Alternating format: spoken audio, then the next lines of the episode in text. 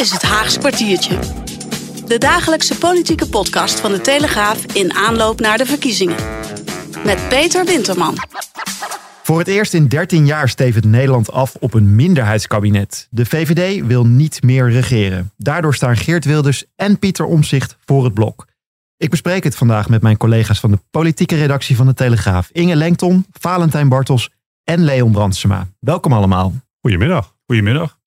En ik bel straks voor het laatst met ons politiek orakel Fred Teven. En dan horen we wat hij vindt van de opmerkelijke move van Dylan Jessilgus. Ja, we zitten hier in onze redactieruimte in het Tweede Kamergebouw in Den Haag. En op slechts een paar meter hier vandaan zei Jessilgus vanochtend dit. De grote winnaars van de verkiezingen zijn PVV en NSC. Daar ligt nu ook natuurlijk het initiatief. Voor de VVD, als je kijkt naar de afgelopen 13 jaar en deze uitslag, betekent dat wij een andere rol uh, gaan pakken. En dat betekent in ons geval dat wij niet in een kabinet gaan zitten. Dat staat vast. Dat betekent tegelijkertijd ook dat wij echt de verantwoordelijkheid voelen om een kabinet van winnaars wel degelijk mogelijk te maken. Dus wij zullen, het, wij zullen een kabinet van winnaars steunen. Ja, Inge, jij bent chef van de politieke redactie. Jij Silkes wil een kabinet van winnaars steunen. Wat betekent dat? Nou ja, wat zij aangeeft is, de VVD heeft uh, flink verloren ten opzichte van de vorige verkiezingen. Tien zetels eraf.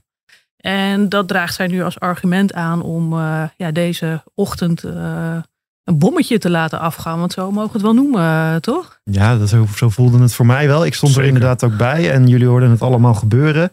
Niet regeren, voor het eerst in 13 jaar zou dat zijn. Niet in een kabinet stappen. Gedogen dus? Nou ja, de vraag is... Um, in hoeverre is dit serieus te nemen? Uh, in formaties. We hebben natuurlijk al eerder gekke bokkensprongen gezien. Ze sluit op dit moment regeringsdeelname uit. Maar de vraag is natuurlijk uiteindelijk uh, of zij voet bij stuk houden. Ik vind het sowieso een hele uh, ja, riskante openingszet. Want ik vraag me af of dit wel heel erg goed gaat vallen. Bij de achterban, bij kiezers. Ik vind dat de VVD eigenlijk best wel hoog spel speelt. Zit er niet ook een, wel een bepaalde logica in dat je zegt, nou, uh, we hebben het 13 jaar gedaan, we zijn nu afgestraft voor het afgelopen kabinet. Laten iemand anders het maar even oplossen dit keer. Als de kiezer blijkbaar ontevreden is, waarom zouden wij meteen onze vingers opsteken om, uh, om weer verder te gaan? Hè? Dus Klaas Dijkhoff hoorde ik het nog op de radio ook zeggen. Zit er niet ook een bepaalde logica in? Dat zeggen ook al die VVD-bewindslieden net bij de uitloop van de ministerraad. Dat is precies de tekst waar zij mee komen eigenlijk. De vraag is alleen van, ja, dat is natuurlijk een afgestemde tekst is dat ook echt de reden dat ze dit zo zeggen op dit moment. En het is toch ook niet zo dat verliezers nooit in een kabinet kunnen stappen? Dat gebeurt toch eigenlijk bijna elke keer naar verkiezingen? Dat er één partij is die ja. ook heeft verloren die meedoet. Ik denk aan het CDA bijvoorbeeld. Ja, ja Leon, ik snap wat je zegt hoor. Dat is de ene kant uh, van de medaille. Alleen, mensen vragen zich af, is dit niet gewoon een spelletje?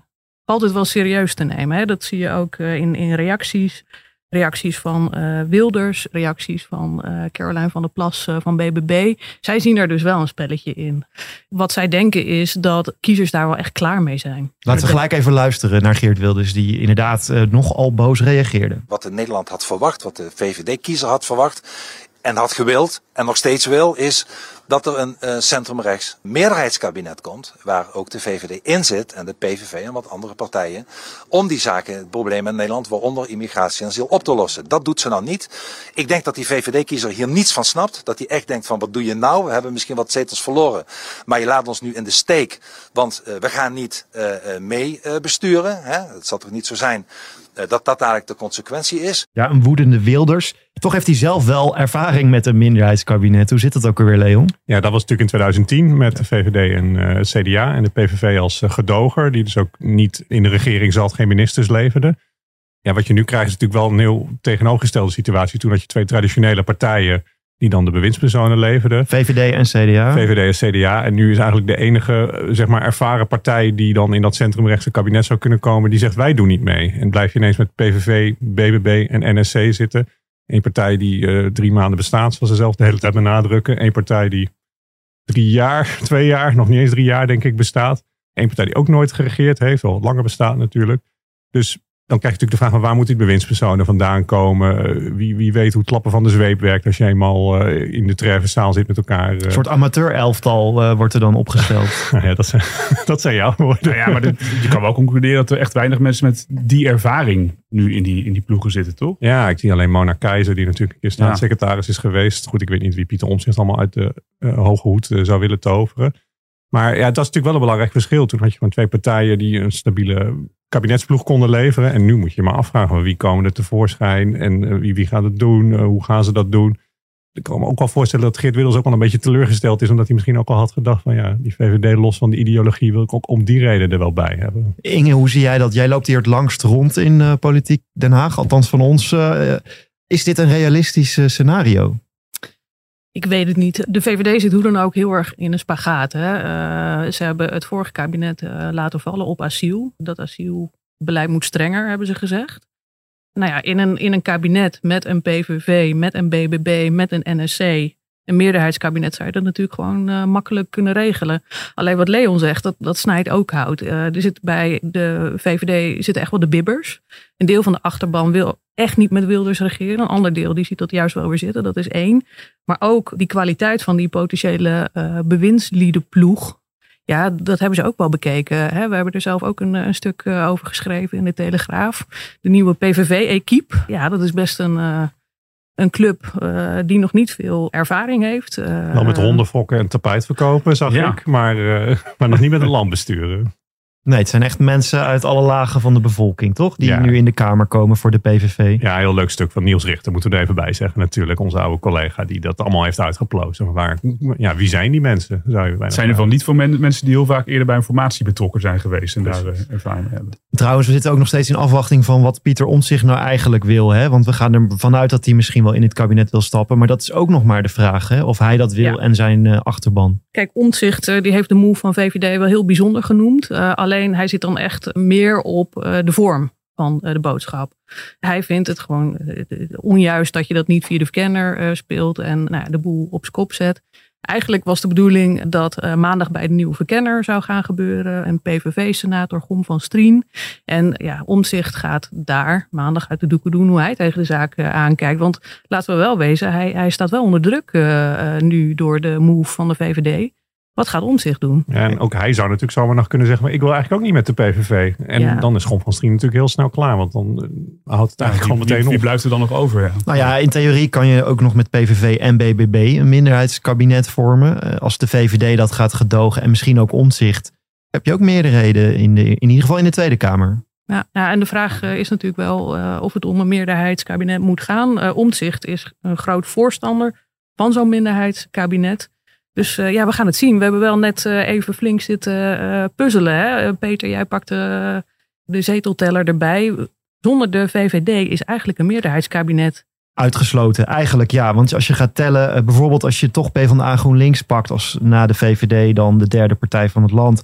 Als die dan in de lead zouden komen met al die linkse partijtjes en vooral al die kleintjes, hè, Volt twee zetels, het is echt sprokkelen. Partij voor de Dieren drie, dan kom je nog niet eens aan 76 zetels. Uh, dan heb je eigenlijk sowieso BBB ook nodig om een Kamermeerderheid te krijgen. Dan hebben we het over acht partijen. Ja, dat zou nog nooit vertoond zijn. Dus ik weet niet uh, of dat überhaupt realistisch te noemen is. En of het werkbaar is als je er al toe zou komen. Ja. Ja. ja uit journalistiek oogpunt uh, zou ik het wel erg wenselijk uh, vinden. Ja, het zou een fascinerende combinatie zijn. We wel een keer een rustige dag krijgen op zich hoor. Dus dat, uh... Want wat heeft Jezielkes nou precies gezegd over überhaupt met, met PvdA GroenLinks willen regeren? Dat wees ze volgens mij ook al af. Ze heeft gewoon gezegd, ze gaat niet in een kabinet stappen. En daarmee heeft ze ook uh, PvdA GroenLinks die optie eigenlijk ook afgesloten. Tenzij ze daar dus later op terugkomt. Hè? Ja. Tenzij dit allemaal spel maar, is. Maar dan heeft ze echt heel veel uit te leggen hoor. Dus uh, niet onder Wilders, wel onder Frans Timmermans. Ik denk dat een VVD-congres uh, daar echt gehakt van maakt. Ja, want hoe reageren VVD'ers eigenlijk op deze zet van Jezilgus? Eén VVD-kamerlid, een oud-kamerlid, Jeroen van Wijngaarden, die is er wel met een gestrekt been ingevlogen. He, die zegt, uh, dit lijkt me nou een mooi onderwerp voor een digitale ledenraadpleging, gevolgd door een extra congres. En onomkeerbare beslissingen moet je nooit in afzondering nemen, laat staan overhaast. Ik denk dat het venijn in de staart zit. Op hem komt het over als overhaast. In het Kamergebouw waar wij nu zitten gaf uh, de Kamervoorzitter, die nog steeds uh, aan het werk is, Vera Bergkamp van D66, een persconferentie. En dit is wat ze zei. De grootste fractie, PVV, heeft de heer Gom van Strien voorgedragen. Alle lijsttrekkers hebben daarmee ingestemd, met uitzondering van de heer Van Baarle. Ja, de heer Van Baarle van Denk, die had er geen trek in, maar bijna alle partijen zijn dus akkoord met Gom van Strien als verkenner. Een nieuwe naam, wie is dit, Valentijn? Ja, het zegt ook al redelijk veel dat ik even een papiertje erbij moet pakken, want ik weet niet hoe het met jullie zit vandaag, maar iedereen die ik sprak zei eigenlijk wie. Nou, Wilders omschrijft hemzelf als een uh, erudiet man. Het is een 72-jarige senator. Hij zegt, ja, hij heeft niet een enorm groot politiek profiel. Maar hij heeft op zich wel een heel duidelijk PVV-profiel. Dat is tenminste wel duidelijk als je even in zijn eerdere uitspraken stapt. Oh, wat heeft hij gezegd? Nou, hij noemde net als Wilders in 2015 het parlement een nepparlement. Maar bijvoorbeeld ook over arbeidsmigratie. En dan moet ik hem even voorlezen hoor. Met droge ogen wordt beweerd dat Nederland een kennisland moet worden. En dan importeren we alleen al in het kader van gezinshereniging 30.000 schaapherders uit het Rifgebergte en andere onherbergzame streken per jaar. Het duurt al minimaal twee generaties om ze te alfabetiseren. Nou, dat is wel echt duidelijk een PVV, uh, ja, ja. PVV-taal natuurlijk. Want ik en dacht dat, dat netparlement, ja, dat, dat is wel heel duidelijk dat het echt om iemand gaat die uh, heel duidelijk een partijprofiel heeft. Dus een vertrouweling van Wilders. Terwijl de verkenner, het idee was toch geloof ik dat we nu iemand met afstand tot de politiek zouden aanstellen. Er werden allerlei namen genoemd. Hè? Kees van der Staaij, uh, Ankie Boekers-Knol hoorde ik al, Rita Verdonk. Echt dat soort namen die uh, wat breder zouden kijken misschien. maar het is echt een, vertrouweling van Wilders lijkt het, een PVV uit, uit de Senaat. Die echt met een PVV-bril wel naar die verkenning zou gaan kijken. In de Senaat werd door Vera Bergkamp als zo'n verdedigingslinie opgevoerd voor de vraag die jij eigenlijk stelt. En er moest toch iemand met afstand tot de politiek komen. Dat was dan het verhaal was dat het iemand met afstand tot de dagelijkse politiek moest komen. Nou, en de oh. Senaat vergaat het één keer per week. Ja, voor wat het waard is. maar uh, ja. ik vond het niet de allerbeste verdediging. Aan de andere kant, Wilders heeft ook niet zoveel mensen om uit te kiezen waarschijnlijk. Hè? Die die uh, ook vertrouwt nou ja, voor zo'n nee, uh, belangrijke dat, rol. Dat inderdaad. Want je, als je een neutrale iemand kiest, dan heb je natuurlijk wel een, een, veel bredere keuze. Maar daar heeft hij niet voor gekozen. Hij heeft echt voor een vertrouweling uit zijn eigen partij, uit de Senaatsfractie gekozen. En wat gaat hij nu doen? Nou, hij gaat nu gesprekken voeren met alle partijen. En daaruit gaat hij kijken uh, ja, welke combinaties zijn er allemaal mogelijk. Hè? Dat heet de verkenning. En op 5 december pakjesavond notabene brengt hij verslag erover uit. En daar debatteert de Tweede Kamer dan weer op uh, 7 december over, de nieuwe Tweede Kamer. En aan de hand van dat debat zal er een informateur moeten worden aangewezen. Dus we staan echt aan het begin nu van een misschien wel hele lange formatie. Ik wil jullie heel erg bedanken, Inge, Valentijn en Leon. En ik ga nu bellen met ons politiek orakel. En vandaag is dat voor de laatste keer oud-VVD-staatssecretaris Fred Teven. Het orakel.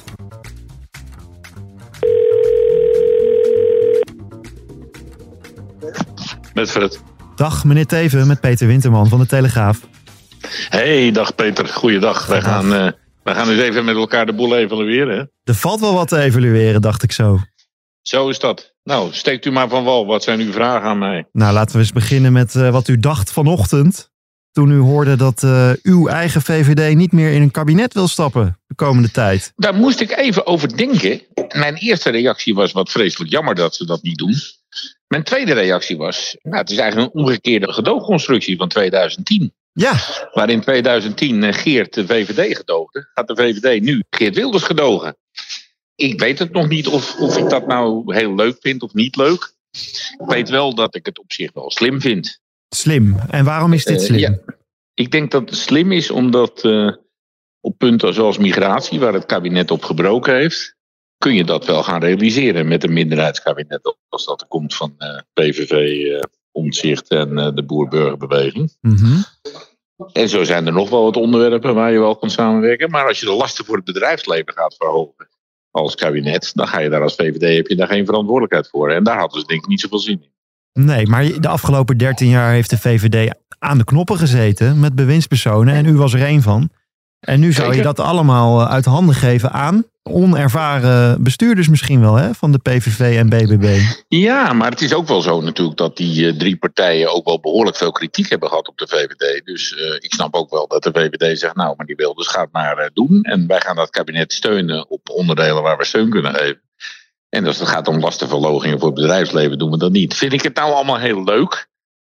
Uh, nou, misschien vind ik het niet zo leuk. En misschien is het ook nog wel zo dat uh, Geert Wilders daar problemen krijgt met het bezetten van al die posten die hij nu moet gaan invullen.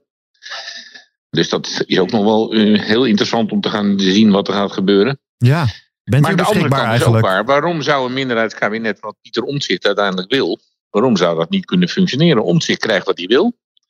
Wilders kan laten zien wat hij kan. En de buurburgerbeweging doet ook mee. En ja, het kan verkeerd uitpakken voor de VVD, maar het kan ook goed uitpakken. Want wat vindt u er dan eigenlijk niet leuk aan?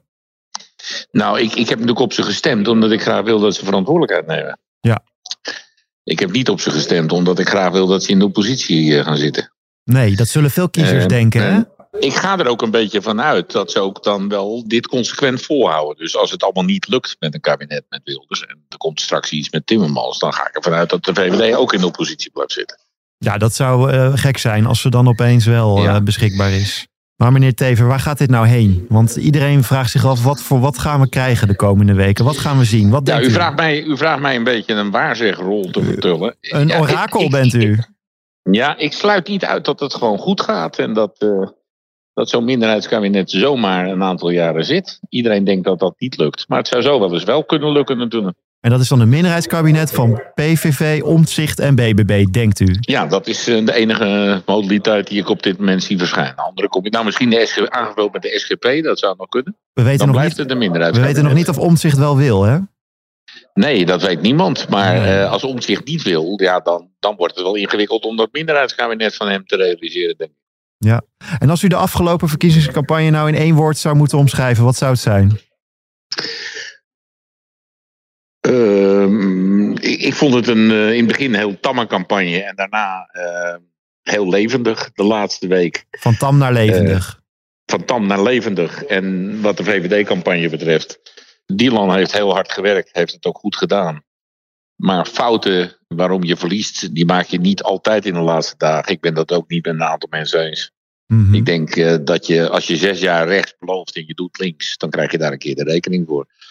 Ja, bent u eigenlijk verdrietig om het verlies van de VVD?